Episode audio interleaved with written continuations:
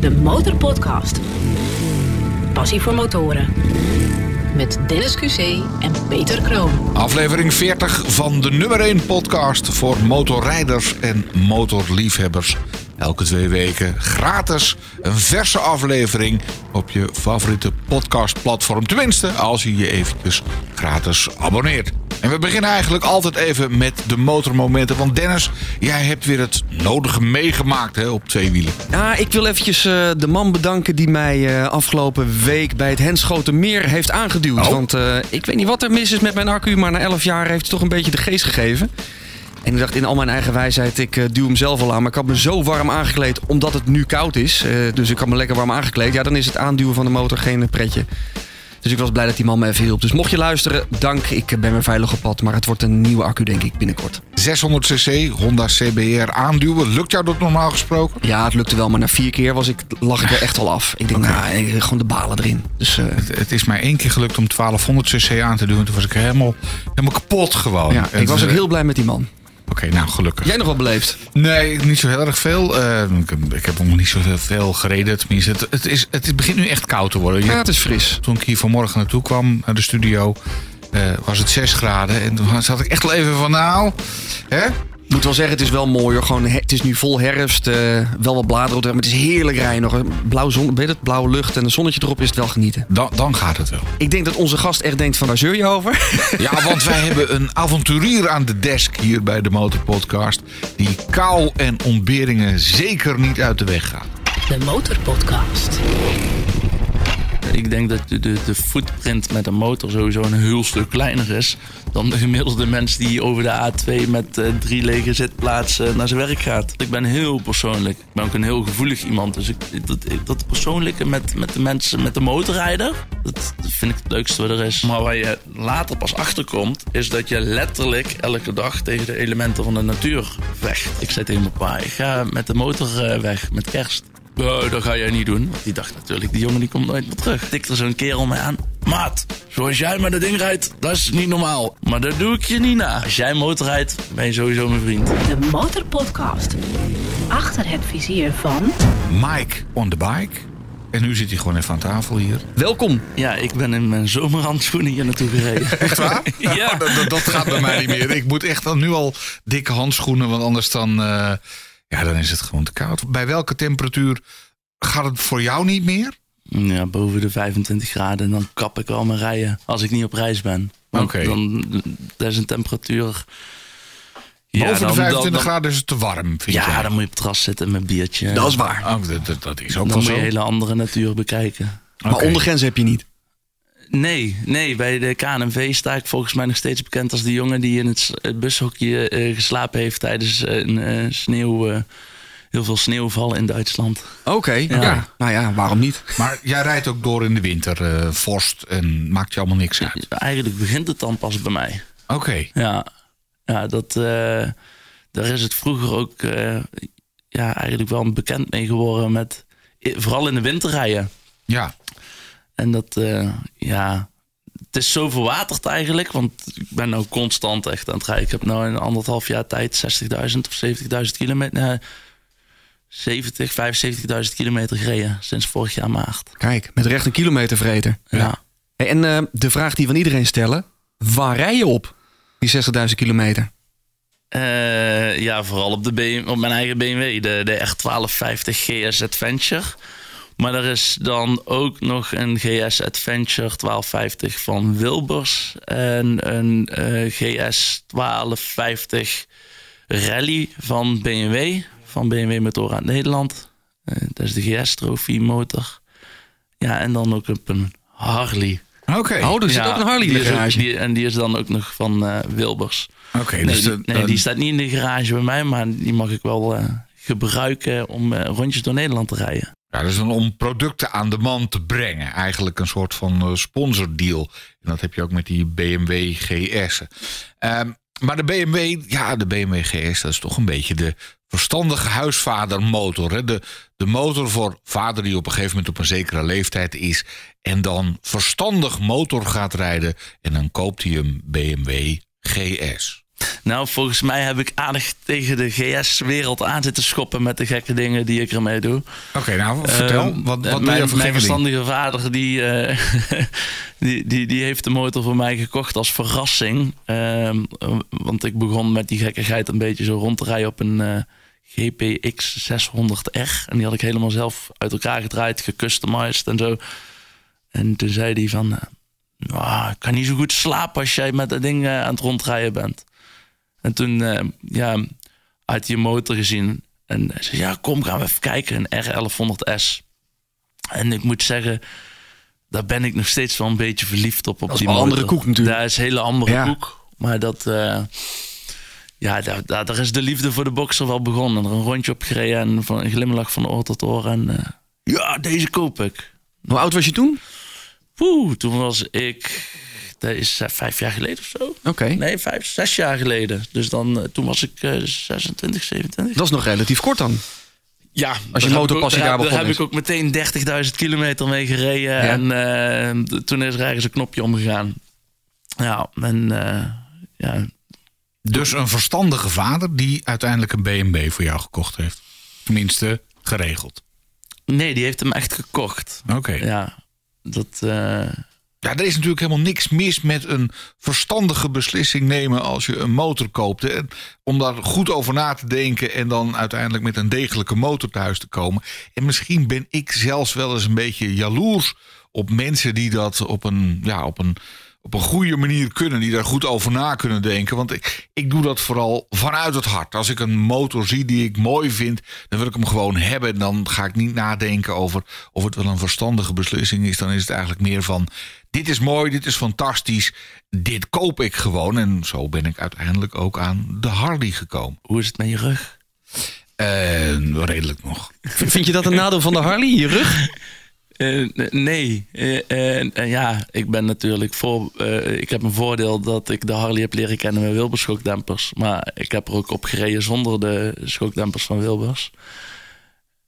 Ja, Spartaanser kun je het niet krijgen, denk ik.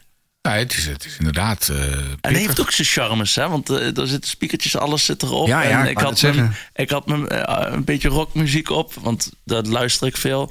En toen dacht ik, verrek, het klopt voor de eerste keer. Ja. De Motorpodcast. Mike van mikeonthebike.eu. We komen op jou dankzij eh, Maurice Leden van eh Drie op Reis. Die heeft zijn reis naar IJsland gemaakt eh, voor het tv-programma. En die is daarvoor getraind door jou. Want jij bent avonturier, reiziger. Jij, ge- jij organiseert reizen met andere mensen. Je geeft trainingen, off-road trainingen. Volgens mij zijn er weinig dingen met motoren die je niet doet. Behalve ze verkopen. Misschien ook wel. Nee, ja, ik help, ik help iedereen wel de juiste keuze te maken. Maar ja, daarmee verkoop ik ze niet. Maar nee. Maar Ja. kort samengevat ben je eigenlijk een, een, een trainer off-road eh, en avonturier. Klopt dat? Ja, ja. Hoe wordt een mens avonturier? Word je op een ochtend wakker en denk je van... en nu zoek ik het avontuur. Eh, de 9, van vij- 9 tot 5 mentaliteit loslaten. En dus eh, echt gaan doen wat je in je hoofd hebt zitten. Ik denk dat dat het eerste avontuur is die je, die, die je aan moet gaan. Want hoe lang doe je nu wat je nu doet dan? Ook pas vijf jaar waarschijnlijk. Zes, jaar. Zes jaar. Wat deed je daarvoor? Eh, manager van een scooterwinkel. Oké. En eh, ja, daarna, daarvoor was ik fietsenmaker. Maar het avontuurlijke heeft er altijd wel in gezeten hoor.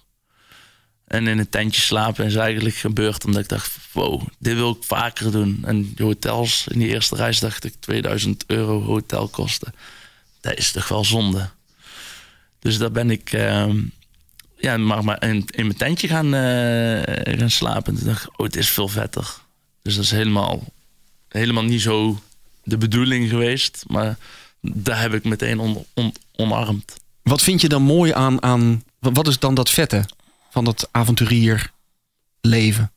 Ja, in een hotel een kampvuur maken. daar zit er Nee, oké, maar is het dan in the middle of nowhere zijn, samen met de natuur of overgeleverd zijn aan de Aan elementen? alle- of- eh, alles eigenlijk wel een beetje. De, de, het, het, eh, ik heb nog filmpjes online staan dat ik met min 10 in het Zwarte Woud slaap. En dat je s'morgens ehm wordt het licht. En de zon komt door, de vogeltjes beginnen te fluiten. En zelf krijg je ook wel dat gevoel van... het was wel fris. Ik ben wel blij met die zon. Dat je gewoon even in de zon gaat zitten om even lekker op te warmen. Dus dan ben je gewoon even geen mens, maar een dier in, ja, van, van de omgeving. Maar dat kan toch ook heel erg goed in de spa van een luxe eh, resort. Oh, daar kan ik ook van genieten hoor. De hele, de hele Ja. dag eh, op de motor eh, vies worden. En dat vind ik namelijk best wel leuk. De hele dag een beetje motorrijden. En op een gegeven moment goed moe, uitgeput. En dan lekker wat mij betreft naar een hotel waar alles goed geregeld is. En dan niet in een teentje Ja, moeten. zonder, en- zonder van je geld vind ik dan meestal. Ja. ja. Kan je er beter een paar goede schokbrekers verkopen. Een reis. Een reis. Ja. Wat, wat is je mooiste reis tot nu toe? Ja, maar dat vraagt iedereen. Ja. Eh, Want we hadden het in het voorgesprek erover. Ja, deze man is volgens mij overal op de wereld geweest. En zo nee, niet. daar valt best wel mee, maar wel overal in Europa. En de wereld moet nog eh, Maar als, ik, als wij één ticket mogen boeken. Peter en ik mogen één ticket of één, één reis uitkiezen. Wat raad jij ons aan? een reis zonder einde. Een reis zonder einde. Dat is een goeie. Ja, want dat, eh, ik, ik zit nog steeds in de reis. Ik, ik vind ook niet dat als ik thuis kom, stopt stop de reis voor mij niet. Dat, eh, ik, ik zit in de reis alweer in mijn volgende reis. Dus ehm, ik, ik heb het nu al twee of drie, drie jaar op rij gepresteerd. Dat ik thuis kom en binnen 48 uur zit ik weer op mijn volgende reis. En is dat dan altijd een hele andere reis? Of is dat dan Ja, meer van hetzelfde? ja, nee, want de Noordkaapreis, dat blijft erin. Dat, eh, dat is, Noor Noorwegen doet iets met mij. Daar ga ik ook gewoon nog een huis kopen, dat weet ik sowieso. Ja, dat, eh, ik heb ook altijd gezegd van nou, moet het land goed, eh, goed doorheen rijden. En met veel locals contact. En ehm, ja, maar zodra ik dan weer ehm, Denemarken voet aan, aan, aan grond zet, dan zeg ik van oh, rustig door Denemarken rijden. Maar vervolgens ben ik duizend kilometer later en eh, in acht uurtjes tijd weer thuis, omdat ik een scheidhekel heb aan dat platte stuk. Ja. Kom je 's morgens vroeg om vier uur thuis en eh, om tien uur eh, ja, belt eh, een collega een motorrijder vallen on tour mij op en die zegt: "Eh, Kom je nog naar Italië?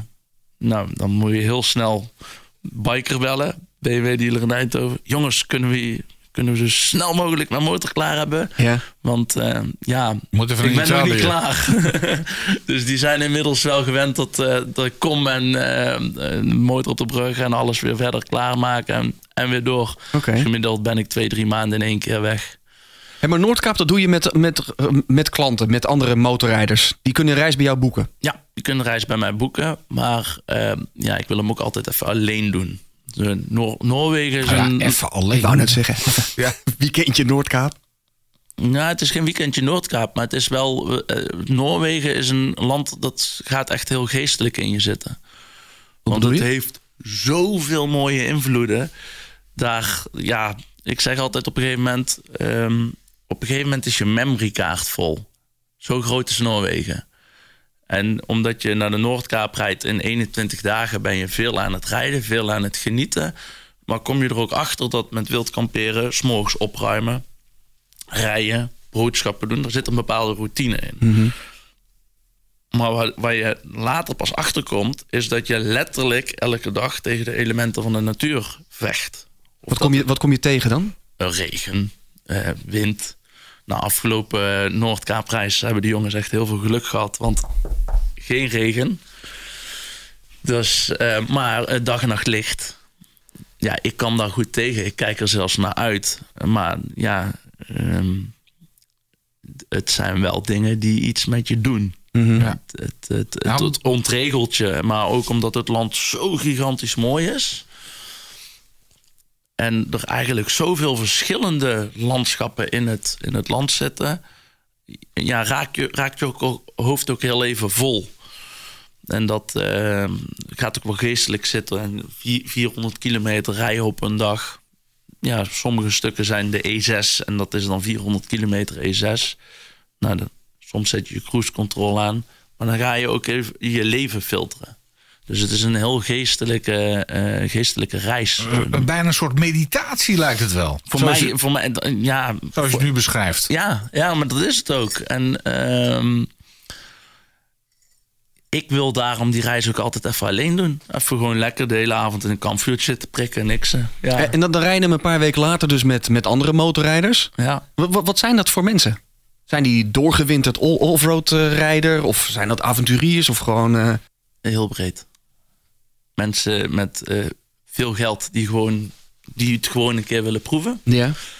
Ehm, maar ook jongens die, die, die het avontuur, eh, die, die, die willen dat gewoon. Die, willen, die zien dat en die, die willen daar een keer meemaken. Die willen de hersenspinsels weten. Ehm, ja, Letterlijk mensen die die volle geheugenkaart een keer willen meemaken. Van, ja, ik denk dat wel. Maar dat eh, onderschat iedereen eigenlijk altijd wel een beetje. Hoor. Hm. Ik heb nou ehm, eh, Ruud, eh, die komt best wel vaak bij mij. Dat is een eh, klant, een CQ-vriend.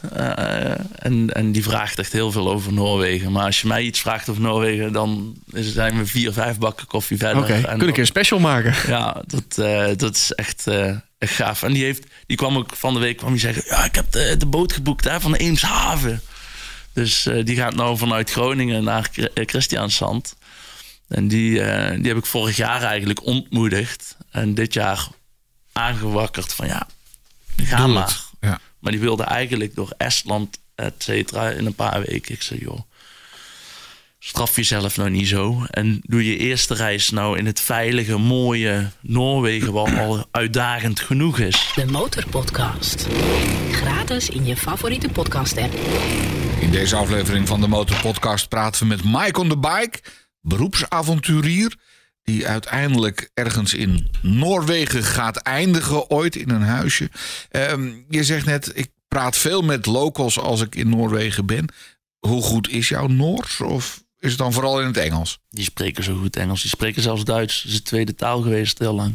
Oké. En dus- ik ben Duits, dus... Oh, je bent Duits. Je kunt ook een beetje Duits spreken. 1, 2, 3, 4, 5, 6, 7, 8, 10. Ja, ja, ja, ja. Dus ah, dat, dat komt allemaal wel goed. Dat komt allemaal wel goed. Was dat gevaarlijk om te melden? je Duits bent? Nee hoor, nee hoor. Nee hoor. Hey, je geeft ook eh, trainingen. Ja. Dan kan ik me voorstellen dat je voor een reis naar de Noordkaap wel enige training nodig hebt. Maar dat is, dat is nog best on-road, denk ik. Noordkaap.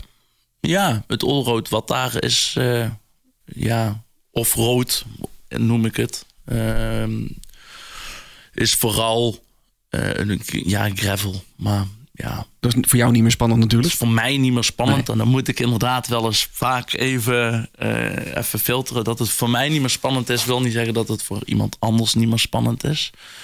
Maar wat voor trainingen geef je in, eh, in Nederland? de basic trainingen. Dus gewoon echt welke beweging maakt je motor in het off in, in het niet asfalt. Ehm, en die bewegingen eigenlijk leren dat dat een heel normaal is. Dat is de belangrijkste switch die er is. Hoe En dat- rem ik? Eh, Dat doe je voor beginners zoals wij bijvoorbeeld, die nog nooit off... Want Ja. jij hebt wel eens offroad gereden, volgens mij. Je hebt Ja. een stukje TED gedaan? Ja, ik heb een stukje TED gedaan, hè? Trans-European Trail is het toch? En, ehm, maar gewoon in Nederland hoor. En ik eh, had een, eh, een allroad motor zelf. mhm. Een eh, Yamaha Tenere. En op zich, eh, ja, want ik dacht even, dit, dit is mijn ding, hè? Ik ga eh, offroad rijden. Maar ik vond het ontzettend zwaar. Sowieso eh, een van de eerste keer dat je je stuur voortdurend heen en weer gaat natuurlijk. Als je door het zand heen rijdt en dan moet je het een beetje los vasthouden, hè? eh, De motor. Vooral los. Wat? Vooral los. Vooral los. Ja, nee, maar in ieder geval, dat vond ik best link. En op een gegeven moment ben ik een keer met een groepje naar Duitsland geweest. En eh da- daar ging er wat wilder aan toe. En toen zat ik de hele tijd van, oh mijn god, zeg, die motor, dat is, ding kost 20k. En eh, ik had het nog niet zo lang. Ik denk, nou, eh, dit ding komt onder de butsen terug. En eh, wat, wat, wat brokkelt eraf. Ik was eigenlijk voortdurend bezig met, oh, als je maar niet verder beschadigt. En, Nou, volgens mij moet je dat juist loslaten. Je gaat een keer onderuit. Ja. Dat- als je dat niet kan loslaten, dan moet je Nee, niet beginnen volgens mij. Je moet niet alleen het stuur loslaten, ook die angst om...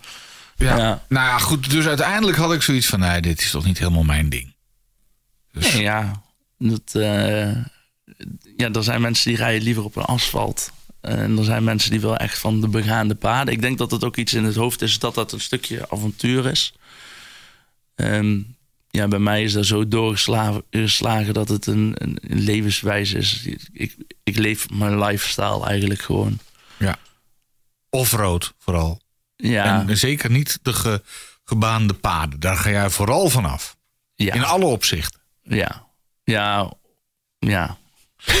Waarom, waarom twijfel? Nee, omdat de snelweg ook wel leuk is. Ik ben nou bijvoorbeeld in een uurtje hier naartoe gereden, dus dat vond ik ook wel goed. Ja, ja. Ja, Het is net waar je hoofd op instelt natuurlijk. ja. Hey, als ik bij jou een, een offroad training eh, ga volgen, dan ga ik dat met mijn supersport eh, niet doen. Dan fix jij voor mij een motor? Nee, Oh.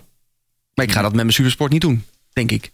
Nee. Maar Dan moet ik, je ik, een, krijg, ik, krijg de mensen, kopen. ik krijg de mensen die, die, die een eigen motor hebben. Oh, oké. Dus het is niet voor mij bedoeld als ik een keer wil proeven aan, dan zal Nee, ik ja, een motor dan, moeten huren. Dan kun je naar Bert. Ja. Dan kun je naar Bert. Ja. Ja, dat is Bert met heel veel R'en. hè? Die, ja. ja, die, eh, die eh, geeft je dan een GS mee en dan mag ik dan mee proberen. Ja. Voor een keer. Ja, goed. En dan heb je de smaak te pakken hoor. ja, ben ik dan eh, verkocht? Jawel. Ja? Ja. Nou, ik moet eerlijk zeggen, toen ik eh, die, opnames van eh, Maurice zag, hè, van, de, van eh, Drie op reis, die door, eh, door IJsland ging rijden. Sowieso, IJsland ziet natuurlijk fantastisch uit.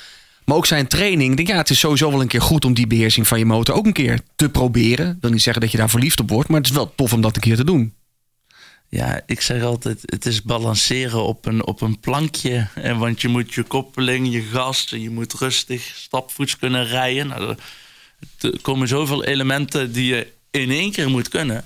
Of tegelijkertijd moet doen. Niet in één keer kunnen, maar tegelijkertijd moet doen. Dat, eh, ja, dat is wel leuk. Ik, dat vind ik ook het leukste wat er is. Ik heb, eh, van de week heb ik nog een, een, eh, een vrouw geleerd hoe ze ja, die oefeningen moet doen. En En neemt iemand dat dan snel aan? Komt, zit je snel op dat niveau? Jawel, jawel. Omdat iedereen wil wel leren. Mannen zijn wel lomper, wat stoerder. Daar duurt het soms iets langer mee. Ja. Eigenwijs? Ja, ja, ik denk dat ze gewoon... Wij weten hoe het moet, toch? Ja, nou dat, precies. We weten hoe het moet. En eh, dat is het grootste probleem vaak. Oké. En vrouwen die zeggen, ja, ik weet het niet, ik vind het spannend. Dan doe je even twee stapjes terug en dan ga je kijken van tot hoe ver kunnen we? Oké, tot hier, dan gaan we een klein beetje onder. Kunst is om ehm, niet over hun grenzen te gaan, want ja, dan creëer ik dat ze iets niet kunnen, maar constant iets doen wat ze kunnen. En dan opbouwen, opbouwen, opbouwen. En dan zie je iemand ook veel makkelijker groeien. En heel veel uitleggen waarom je eh, doet wat je doet. Een paar basisgrepen. Je zei het net al. Hè, stuur vooral niet al te vasthouden. Ja. Liever zo los mogelijk. Staan op de motor. Ja, Hè? En dan? Verder nog wat handige tips? Zo, niet even. verkrampen. Niet verkrampen. Nou ja, dat is ook wel een goeie. Ja. Maar dat is volgens mij een reflex. Want je wil overeind blijven, je wil hem vasthouden, je wil niet vallen.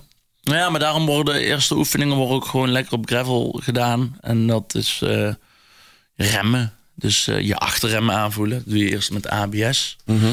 Ehm, naarmate iemand het motorgevoel goed heeft en ook hard durft te remmen, eh, kun je op een gegeven moment ook zeggen van nou, we zetten de ABS een keer uit. Dan zie je het impact. Ik doe het wel, alles doe ik een keer voor. Ehm, en dan, ja, dan ga je heel voorzichtig aaien met je voorrem. Voelen wat, wat doet die voorrem. Dus dat zijn de belangrijkste kneepjes waar, waar ik mee begin. En dan weten ze van, oh, zo moet ik stil komen te staan. En dan zie je die zelfvertrouwen steeds een beetje groeien. En dan ga je, ga je naar een ander ondergrond. En dan mogen ze dan weer iets harder remmen. En dan eh, groeit dat zelfvertrouwen. En dan kun je al gauw wel door. Zijn dat één op één cursussen of doe je dat met meerdere mensen? Groepjes van vier maximaal. Maar één op één vind ik zelf ook wel gewoon het gezelligste. Vooral het gezelligste. Want ehm, ehm, iemand wil toch die, die aparte aandacht. Gewoon één op één krijg je meer ehm, ja, groei. Hoe brei je het nou financieel rond? Want ja, je zegt ik doe het liefst een tripje met één iemand. Hè? Geef je iemand één op één les. Ja, dan verdien je toch wat minder dan wanneer je de vier door, het, eh, door, door de bagger laat rijden. Dat klopt. Daarom heb ik ook een pizza met eh, verschillende ingrediënten. Quattro stagioni. Leg even Ja. uit, hoe, hoe, hoe pak je dat aan? Jouw bedrijf is opgebouwd als een soort pizza, begrijp ik? Ja, zo goed. zie ik het altijd. Gewoon een ronde schijf en die verdeel je in eh, verschillende, ehm, ja, Patjes. ja, verschillende kwartjes. Ja, eentje is dan een webshop. En het is ook wel grappig. Dan bellen mensen mij soms op. En dan zeggen oh, je zit op de motor. Ja, maar ik heb een vraag. Ja, vraag maar. Ja, ik heb dit en dit nodig. Oh ja, die kost, eh, kost zoveel. En dan ge- dan geef ik antwoorden. Maar zet me heel even op de mail als je het niet erg vindt, want ik zit op de motor. Dat was in het begin. En nou met de webshop eh, kun je gewoon uit, eh, kun je gewoon zeggen van ah, dit uh, artikelnummer, dat artikelnummer. En dan. ja. De webshop is een, een pizzapuntje? Ja, nou, daar motorreizen. Ja. Ehm, ja, de trainingen. En dan ja, voor Bilbos en Roodlok. ja, die, die dealernetwerk maken en onderhouden. Maar dan ben je meer dan fulltime bezig met, met dit vak. Want alleen al een dealernetwerk opbouwen en onderhouden. Daar zijn mensen die daar fulltime mee bezig zijn. Als je ook nog een beetje op reis moet en die webshop uh, aan moet vullen, dan ben je mooi. dag en nacht wakker zijn. In de eh. winter? In de zomer? Ja, in de zomer is, is de, de motorbranche volle bak. Dan, ja, moet je daar eigenlijk wegblijven. Want die, die hebben dan toch geen tijd. Dus in de winter vult dat goed op. Oké, dus in de winter doe jij vooral dat soort dealer dingen uh, organiseren. Of daar, ben je daarmee bezig? De Motorpodcast. Als je het hebt over een gepassioneerd motorrijder, dan hebben we die hier wel één aan tafel, uh, Peter. Ja, volgens mij. Ja, ik wou minder werken, maar het is alleen maar meer geworden. Ja, maar ik denk dat het voor heel veel motorrijders uh, toch een soort van wens is om uiteindelijk van hun hobby een werk te maken. En niet iedereen kan motoragent worden, maar zoiets als wat jij doet. Je geeft trainingen, je, je verkoopt hier en daar, je reist. Maar je maakt zelf de mooiste reis die ook nog door jouw klanten dan mede worden betaald. Dus ja, volgens mij is dit een, een, een natte droom van elke motorrijder. Ja, maar soms ook wel pittig hoor. Nou, dat, dat ja, maar je zit er nog glunderend bij. dus, uh... ja, eh, wat ik onderschat had was uh, met drie weken, uh, drie weken lang op pad met een groep. Ik ben, ik ben een hele goede Einzelganger, maar ook super sociaal. Maar drie weken lang met elkaar op elkaar slip aan een kampvuurtje, eh, dat uh, kost ook heel veel energie. Ja. Ik denk voor iedereen. Want je bent uh, in drie weken tijd word je elkaars familie.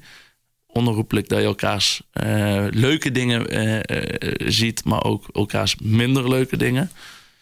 Dus daar moet je ook wel even van opladen dat, uh, het kost gewoon. Je staat eigenlijk dag en nacht aan. Ja, en je hebt de verantwoording over die mensen als je ergens in uh, Noord, uh, Noorwegen ja. vast komt te zitten. Ja. Wat, wat is het mooiste wat je hebt meegemaakt met die mensen? Ja, de, je wordt toch een stukje familie. Heb je dan na afloop van zo'n reis later nog verder contact? Of is het gewoon tijdens die reis dikke mik en daarna is het gewoon, jongens, reis is klaar. Oké, punt. Nou, zou ik graag willen, maar die pizza die draait. En dan dus je moet weer door. En, er, en daar komt weer iets door dat, dat, dat um, voor zo persoonlijk ik ben, eh, zou ik dat graag willen. Ik heb wel wat groepsappjes, maar ja, ik, ik, ik praat daar zelf bijna niet meer in. Want s morgens vroeg begint mijn dag en er, er, ja, er is een spinnenweb met zoveel draden waar iets aan getrokken wordt. Dat uh, dit is ook mijn eerste week dat even rustiger is. Ja, want het kost een hoop moeite om onze eh, agendas gelijk te leggen. Je, bent een enorm druk man. Ja. ja. Maar alleen maar goed toch voor de business. En uh, je maakt gewoon kilometers, dus hoe mooi kan het zijn? Mooi, maar er is uh, op de motor zit zo'n uitknop. Ja.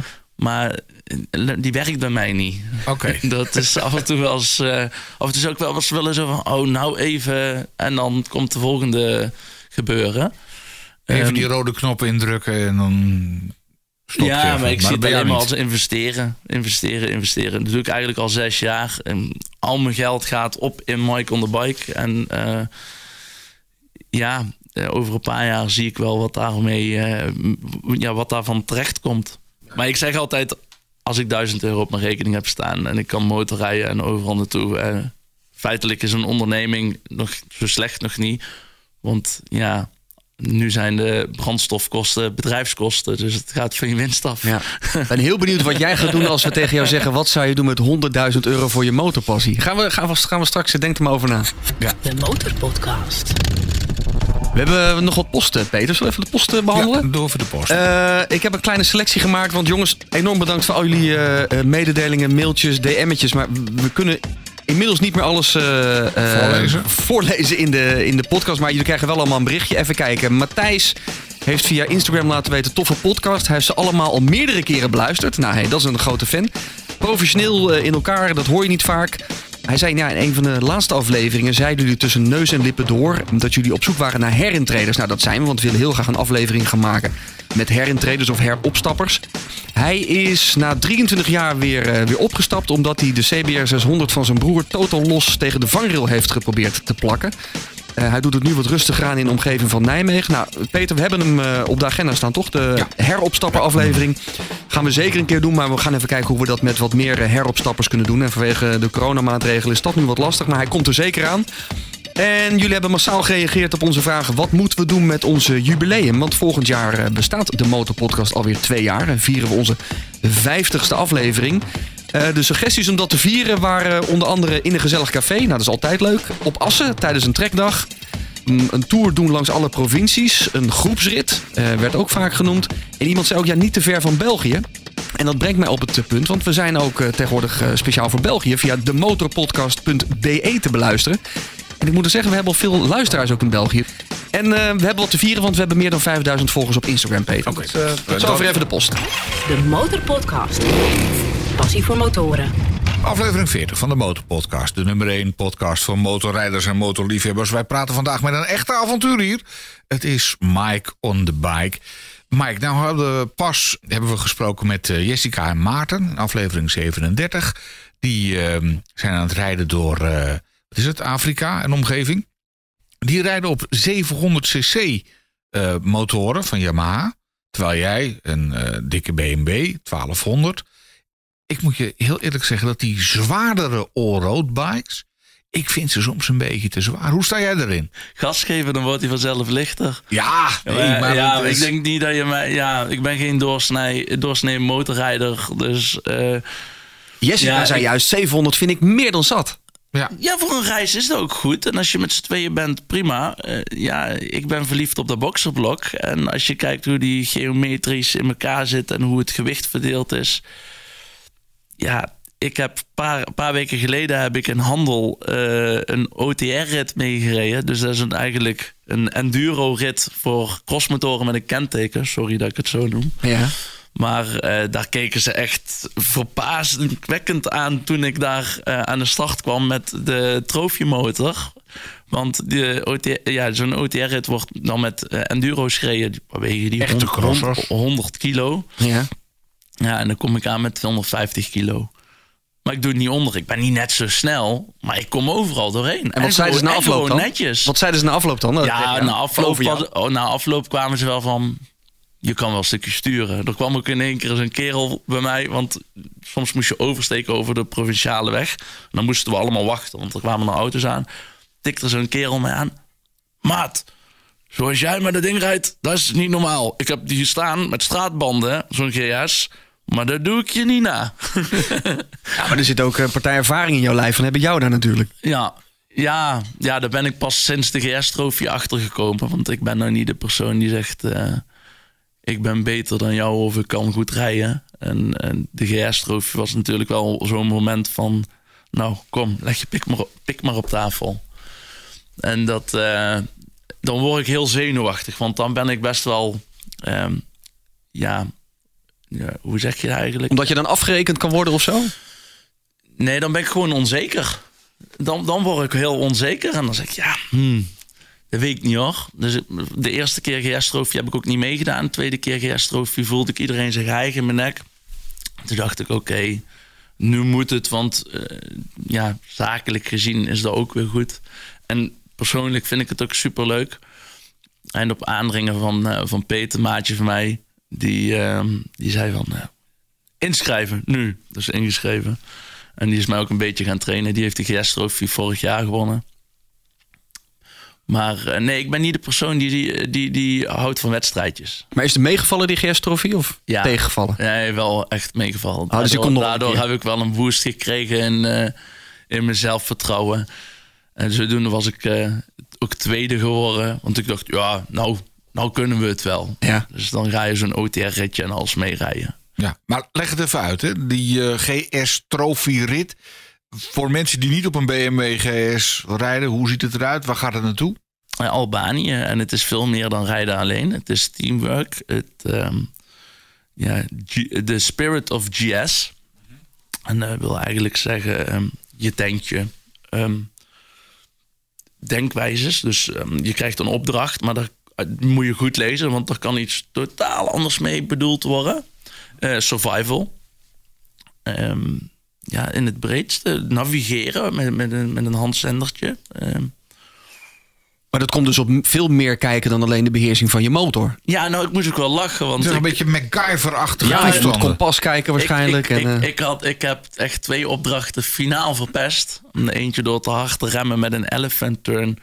En eh, toen ging mijn motor onderuit. En wat is een elephant turn? achterkant uit laten breken en omdraaien. Dus eigenlijk 180 graden draaien. En ik kan nogal soms wel eens een beetje lomp zijn. Dus ik, eh, op het gras ging de motor onderuit. En ik denk, shit, vijf strafpunten. Maar als ik nu twee voeten aan de grond zet, krijg ik ook weer strafpunten. Dus ik tilde onherroepelijk, zonder na te denken, die motor weer op. Zonder af te stappen. En toen trok ik ja, mijn arm bijna, ja, mijn schouder half uit de kom. Het, eh, daar loop ik nou mee te sukkelen. En toen eh, vergat ik een blikje 0.0 bier op een, van de ene pion naar de andere pion te zetten. Heb ik, achteraf, heb ik achteraf maar gezegd, ja, wie gaat er nou 0.0 verplaatsen?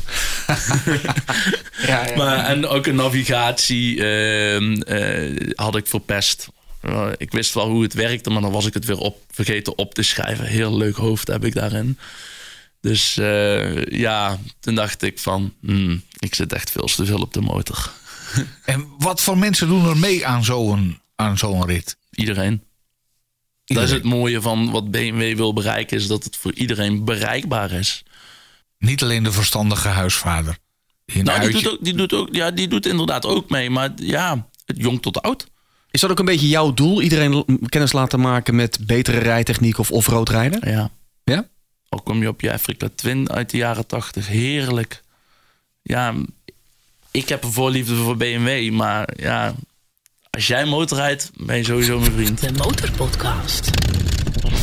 We hebben de zes versnellingen voor je. Het idee is snel antwoorden. Snel schakelen. Jee, Versnelling 1. Cursisten iets aan of iets afleren? aanleren, Noppen of allroadbanden? onroodbanden, Zelf sleutelen of laten sleutelen? zelf sleutelen. Verplicht elektrisch rijden of nooit meer rijden? Ja, verplicht elektrisch. Voor of tegen de audioflitspaal? Nou, laat me komen. Laat maar komen, oké.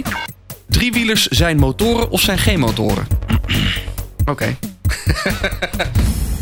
Cursisten iets aan of afleren? We hadden het in het voorgesprek erover. Want het is volgens mij veel moeilijker om mensen iets af te leren. Maar jij zegt, je leert cursisten liever iets aan. Ja, want ik zeg sowieso van tevoren, je moet alles vergeten. Oké. En dat is het dan. Lukt dat ook? Want als ik op een motor stap, hoe vergeet ik in godsnaam alles wat ik voor die tijd geleerd heb? Nou, eh, succes. Alles wat je op straat in het offroad gebruikt, daar gaat niet goed komen. Volgens mij zijn wij niet gemaakt voor offroad rijden, Peter. Nou, weet ik zou het op zo'n crossertje, hè, dus gewoon een, een, weet ik veel, een KTM 500, zo'n ding, hè, met echt hoge spatborden, daar lijkt het me nog wel grappig op. Maar inderdaad, wat ik al zei, ik heb het eerder geprobeerd op een Yamaha Tenere, 1200 cc, best een lomp ding. Inderdaad ook iets van 250 kilo of zo, die kant op.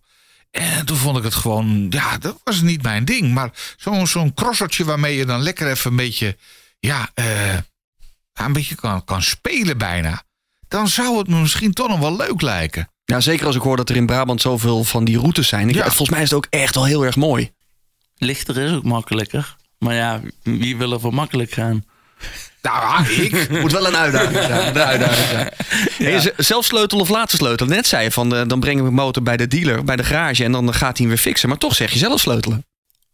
Eh, nee, ja, oh, de, de- ik, ik help bij biker zelf ook heel veel. Oh, oké. Ik heb van eh, BMW natuurlijk wel 50.000 eh, eh, 50.000 kilometer onderhoud bij de motor gekregen. Ja. Maar nee, ik heb volgens mij, wanneer was het? Vorige week donderdag nog de motor op de brug. Nee, voor, vrijdag was het. Vorige week vrijdag de motor zelf op de brug gezet. En ik, jongens, wat moet ik doen? Ja, dit, dit en dit. En dan doe ik dat. Heeft een, een BMW überhaupt nog geheimen voor jou als die op de brug staat? Een BMW fiets? Ja. Nee. Nee, er zijn geen geheimen. Ze hebben je toch ook een keer uitgedaagd met dat ze dan wat losschroeven. En dat jij dan moet uitzoeken wat ze eh, gesaboteerd hebben aan het ding. Ja, bij de GS-trofee was het nou. Nou, dat Ja. doen, dan doen ze dat. Dan, dan, Ja, je moet natuurlijk wel kennis over je voertuig hebben. En toen dacht en toen, ik was eerst heel even in de veronderstelling van ja, oké, wat moeten we hier nou doen? Gebreken zoeken. Oké. En wat, wat, zaten er voor gebreken aan toen, toen jij dat moest uitdokteren? Nou, je moet de sleutel omzetten. En dan staat er ja, de, eh, de ABS-sensor kapot. Ja, Oké. En dan ga je kijken. En toen zei ze van... Ja, maar je moet ook wel hardop denken. Ik zei, ja, de ABS-sensor is kapot. Juist, dan heb je dat gezien. Ik zei, oh, gaan we zo. Ja, dan ga je natuurlijk in de voorband drukken. Ja, voorbandlek. Gewoon heel Ja. logisch nadenken. Het was wel heel even zoeken, want je moet er ook een beetje inrollen van wat bedoelen ze nu. En dan zie je dat er een voorbouw, een, een, een boutje mist bij het voorwiel waar, voor de as te klemmen. En dan, ja, dan denk ik al meteen, oh, dan hebben ze daarachter ook. Ja, en dat was ook. Dus Ja, ja, ja. je, je gaat van het een naar de koppeling hendel. eh, ja. Kijk, maar een, een, een lekke band, oké. Dat, dat, dat snap ik nog. Hè. Daar zou je zelf nog een plug in kunnen schieten. En daarmee eh, met zo'n klein setje, met zo'n pompdingetje. Eh daar kan je nog mee naar een dealer komen en dan alsnog een andere band erop doen. Of eh, als het wel met een binnenband is, een plak of weet ik veel wat. Want dat deden Jessica en Maarten ook. Die Ja. gingen in, in Afrika, zochten ze gewoon een of andere desnoods een fietsenwinkel op. Om daar de banden te plakken. Maar eh, een kapotte sensor. Ja, dat wordt toch even ingewikkelder als je zo'n ding niet. eh, waar haal je er vandaan? In de middle of Ik zie nowhere. mij kijken met een blik van, nou ja, dat maakt toch niet uit? Nee, ja, de, Dan maar zonder sensor. dan maar zonder sensor. Oké. Ja, dat, dat je traction control het niet meer doet. Of je ABS het niet meer doet, vind ik niet zo ramp hoor. Nou, dat is alleen dan moet je zien dat, dat, dat ze dat eraan gedaan hebben. Oké. En Daar En moet dan je- anticiperen. Daar moet je niet van schrikken. Je moet voor de verder rest nergens, Ja. nergens meer van schrikken. Is dat Nou. ook noodzakelijke kennis als jij bijvoorbeeld naar de Noordkaap gaat met mensen? Moet ik dan eh, basiskennis eh, sleutelen hebben? Of ga jij dat fixen als er iets met mijn motor is? Ehm goede verzekering. Dat is een voorwaarde om mee te gaan. Ja, dus wel, je moet wel goed verzekerd zijn. Ehm, normaal eh, is het zo, nou tijdens die corona is het ook heel lastig ge- gelopen. Ehm, maar normaal gezien als je de reis boekt, dan ga je een off-road adventure clinic mee. En dat is op het eiland van Maurik. Dus, dat is eh, met een Bij Tiel, hè? overnachting. Ja, bij Tiel. Dus met een overnachting. Eh, echt met je tent en dat kampvuur gebeuren, zodat een beetje die ruige verhalen er komen. En dan kan ik ondertussen zien van, oké, waar heb ik hier in de, in, in, de- in de Kuip? Ja. Ehm, en dan kan ik een beetje gaan peilen van, oh, dit is de dynamiek. Misschien moeten we er nog een, een weekendje Eifel aan vastplakken. Ehm, om mensen net iets meer te leren. Maar de voorstadium wordt heel veel ehm, informatie normaal gegeven. Dat verzekering heel belangrijk is. maar wat, wat is een goede verzekering? All risk is toch all risk en dan ben je er toch? Ja, dat klopt. Maar niet iedereen heeft een all-risk-verzekering. En niet iedereen eh, weet wat een verzekering inhoudt. Want als jij een WA-verzekering hebt, Ja, dan. dan, dan Dan kom je er niet. dan, dan, dan, Dan krijg valt je waarschijnlijk ook maar dag, eh, eh, hoe heet het, dagwaarde uitgekeerd. Maar een all-risk is, ja, een all-risk is vooral voor de motor. Maar hoe ben je verzekerd in het buitenland eh, als je pech nou ja, dat, onderweg dat soort hebt? dingen moet je echt uit. Dat, dat zijn wel dingen die. ehm, heb je pech, ja, dan is hij daar in Noorwegen toch echt met de hoofdletters. Want dan houdt de reis op. Sta je aan de Noordkaap met de ANWB in de lijn? Ja. Ja, dat raad jij dan aan. Treft daar goede maatregelen ja ik ben er ook heel duidelijk in. Als je pech hebt, heb je pech. Nalatig onderhoud, daar ben ik niet voor, voor verantwoordelijk. Eh, Sterk, een lekke band, daar kunnen we je voor helpen. Dan eh, geef ik de groep eh, de coördinaten waar we heen gaan. En ehm, ja, zorg ik in ieder geval dat dat probleem opgelost wordt. Is het echt een groot probleem? Ja, dan moeten we echt een, een, een bandendealer gaan zoeken. Maar ook dan geldt eigenlijk een beetje van ja, dat is wel een beetje pech. Want daar op de hoek van de straat vind je niet zomaar een motordealer. Er waren een keer twee Duitsers die, eh, die moesten banden gaan wisselen. En toen heb ik al gezegd: ja, als je naar Trondheim gaat, drie dagen, vier dagen van tevoren bellen, anders heb je geen band. Die moeten dat ook gewoon bestellen. Het is allemaal zo seizoensgebonden daar. En het kost zoveel geld. En dan houdt het op dat moment gewoon even op. één of twee dagen. Dan moet, hij, eh, moet, moet ze gewoon inhalen. Ergens. Ja, dan, als het moeten, ze kan. wel, dan moeten ze wel even inhalen. Ja. Ja, ja, dat, ehm, het, het is eh, geen kattenpis, Noorwegen. En je zei voor of tegen flitspalen. Je zei laat maar komen, die flitspalen. De audio-flitspalen die steeds meer opduiken in Nederland. Eh, ja, maar dat is, eh, geluid is sowieso wel een dingetje. Ehm, we leven inmiddels in 100 jaar tijd met 5 miljard meer mensen. Ja. En geluid is eh, stressfactor nummer 1. Nou rijd ik met een Jekyll and Hyde. Met een klepje die open kan. Kijk. Maar ehm, ik gooi hem eigenlijk eh, vaker dicht. En eh, ja, mede omdat we met zoveel mensen zijn. Ik vind het zelf ook bloedirritant als ik thuis zit.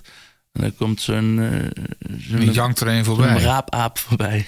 Maar wat doe je dan met mensen? Die, wat zeg je tegen mensen die zeggen van ja, maar jij, jij gaat met je motor door natuurgebieden en eh, dat hoort ook niet? Ik kan me voorstellen dat er ook Met mensen de tegen uitlaat zijn. juist dicht en zo min mogelijk schade veroorzaken.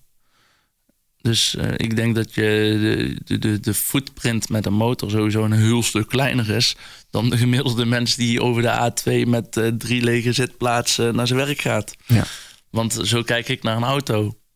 Een hele grote file.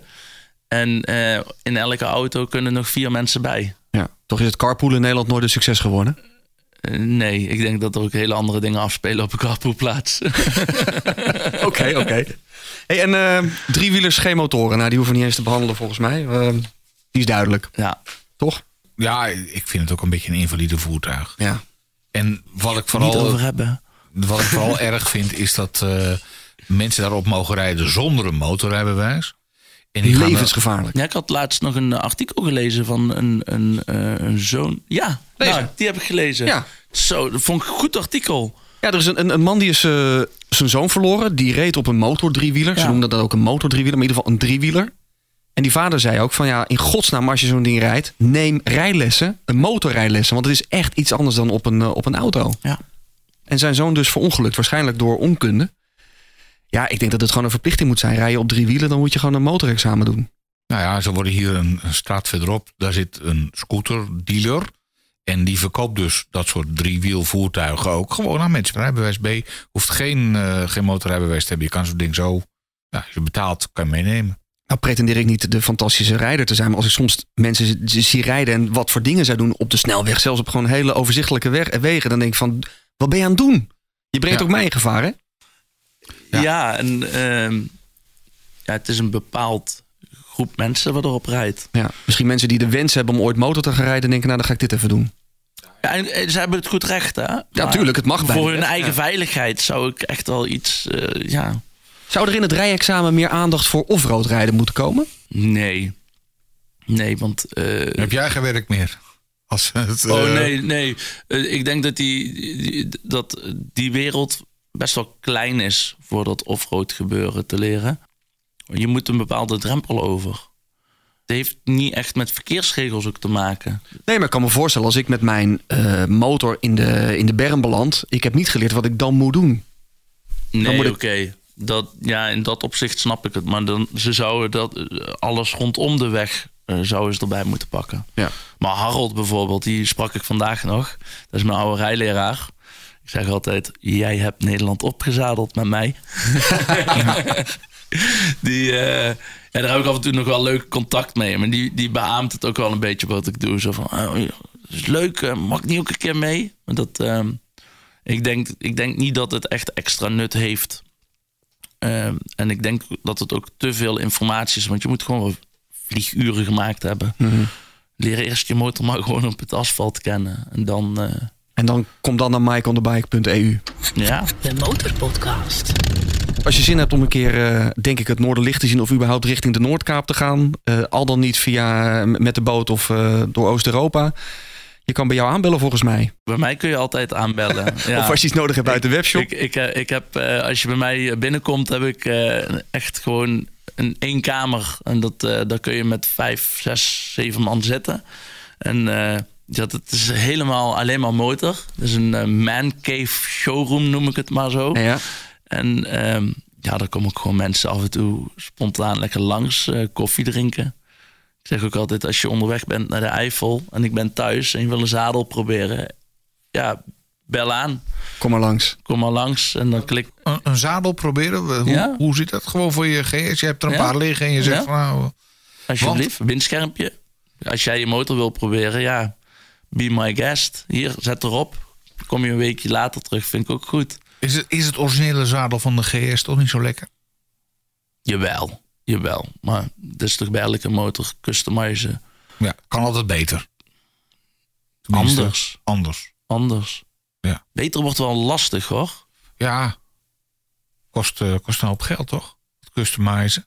Ja, dat is ook leuk. Ik ben wel benieuwd wat jij zou doen met de vraag: wat zou je doen met 100.000 euro voor je motorpassie? De Motorpodcast. 100.000 euro voor je motorliefde. Wat ga jij ermee doen?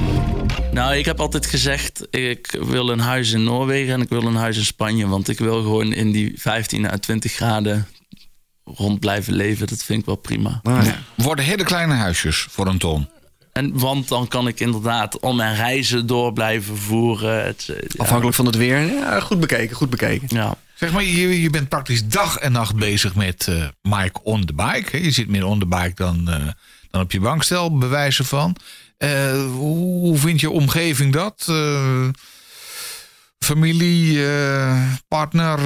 Bloedirritant, denk ik. ja? Ja, ik heb er ook wel eens discussies over. Maar ik heb, ik, ja, ik ben een. Ik heb mijn oogklep opgedaan met een visie.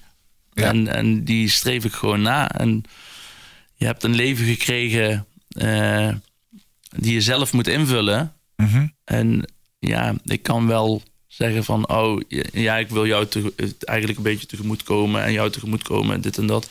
Maar daarin zelf, ehm, dat is niet mijn leven. Mijn leven is echt Zonder Ja. compromissen, rechtdoor op de GS. jammer genoeg wel. Ja, Ah, ja, je zo, zegt zo, ja. aut- zo autistisch ben ik daar ook wel een beetje weer in. Nou, je zegt jammer genoeg, maar volgens mij eh, geniet je ervan. Ik geniet ervan, maar je krijgt ook wel eens commentaar van de familie hoor. Ja? Mijn pa die was echt in het begin was hij echt tegen. Was ik 300 volgers, dan zei ik: Ja, dit wordt mijn leven, dit wordt mijn werk. Maar ja, ik zag al gewoon waar ik mee bezig ging. En eh, Maar hij heeft je ook een beetje op weg geholpen in de passie. ja, maar die motor, de, was, dat, daar zit wel een ander verhaal aan. Want in 2016 ging het helemaal niet zo goed met mij. En toen was ik ook nog geen Mike on the bike. En ehm, ja, dat was best wel pittig, want toen wilde ik eigenlijk niet meer leven. Oh. Ja, toen er wat dingetjes gebeurd. En eh, een vader die mijn vader niet bleek te zijn, maar de geweldigste vent in mijn leven. Ehm, ja, familiair ze wa- wa- waren er wel wat, eh, wat, wat roeringen geweest in het verleden. En ja, daar trok ik me nooit niet zoveel van aan. Maar dat kwam er op een latere leeftijd toch wel finaal hard uit. Eh, zo hard dat je dus in de knoop zit met jezelf. En ehm, ja, dan ga je naar een psycholoog. Dat was al een hele drempel. En na drie keer zegt de psycholoog... Ik kan jou niet helpen. Zo, dat is toch wel een uitspraak. dan vond hij ook... Ja, maar wel op een leuke manier. Jij bent emotioneel slim genoeg. Je komt hier alleen maar elke keer... ehm, ja, om raad... Om, om, om bevestiging vragen. En toen zei ik ze... Ja, dat gevoel heb ik ook. Maar ik wil eigenlijk op de motor eh, met kerst weg. Dus eh, ja, ik zei tegen mijn pa... Ik ga met de motor eh, weg met kerst. Nou, dat ga jij niet doen. Want die dacht natuurlijk... Die jongen die komt nooit meer terug. En eh, ik ben met kerst weggegaan. Ja, na de eerste week. In je eentje. Op- ja, in mijn eentje. Tijdens kerst. En, eh, juist met kerst, omdat iedereen met kerst die dat familiair heeft. En ik wilde me eigen echt voor de leeuwen gooien. Van overal waar ik problemen mee had. Alleen zijn. Eh, ja, ik heb heel veel last gehad van mijn ADHD. Nu is het een graven, maar toen was het een last. Ehm, en, en gewoon de, de problemen vanuit vroeger. Dacht ik, nee, dus al- als ik iets ga doen, dan doe ik het. Dan gooi ik me eigen echt voor de leeuwen. En toen dacht ik ook van helm op en dan dat gevecht met je eigen hoofd aangaan. En wat heeft die ritje toen gebracht? Ja, Mike on the bike. Letterlijk, ik kwam terug en ik was Mike on the bike. Serieus? Ja, dat was in twee weken tijd. Ik, eh, ik, ik vertrouwde niet zoveel mensen. Dus, ehm, ik, en ik schreef het op Facebook. En dat is de wereld ingegaan. En ik kwam terug en eh, ja, ik was iemand. Daar, daar komt het eigenlijk een beetje op. Gered door de motor. Door de passie voor het Ik, ik motor. denk gered door de wil om eh, het probleem op te lossen. En het, het, het recept was de motor. Ja, Ja. ja. mijn vader die was er eigenlijk zo trots op. Ja. Ja, die zag er eigenlijk al, waarschijnlijk omdat hij mij kent. Die gaat nu een pad in, eh, daar komt hij waarschijnlijk nooit meer uit. Dus dat, eh, Het blijft Mike on the bike. En over vijf jaar, hoe is het dan met Mike on the bike? Waar, sta je dan? Is het dan een concern geworden inmiddels? Eh, nee, ik probeer eh, als ik. eh, nee, ik wil het gewoon lekker zo low laten zoals, ik, als- zoals het nu is. Ik heb al veel te veel moeite soms met het persoonlijk blijven naar in, ja, in het gebeuren wat ik nu doe. Omdat het, die pizza die draait maar rond. Dus misschien dat ik iets uit die pizza zelfs ga halen. Om dat persoonlijk... Een eh, partje van je bedrijf eh, ja, om, afstoten. om, om dat, want ik ben heel persoonlijk. Ik ben ook een heel gevoelig iemand. Dus ik, dat, dat persoonlijke met, met de mensen, met de motorrijder... Dat, vind ik het leukste wat er is. Dat, Ik vind het wel mooi dat wat, wat motorrijden dan... Ieder, iedere motorrijder heeft dat natuurlijk anders. Maar wat motorrijden jou dan gebracht heeft.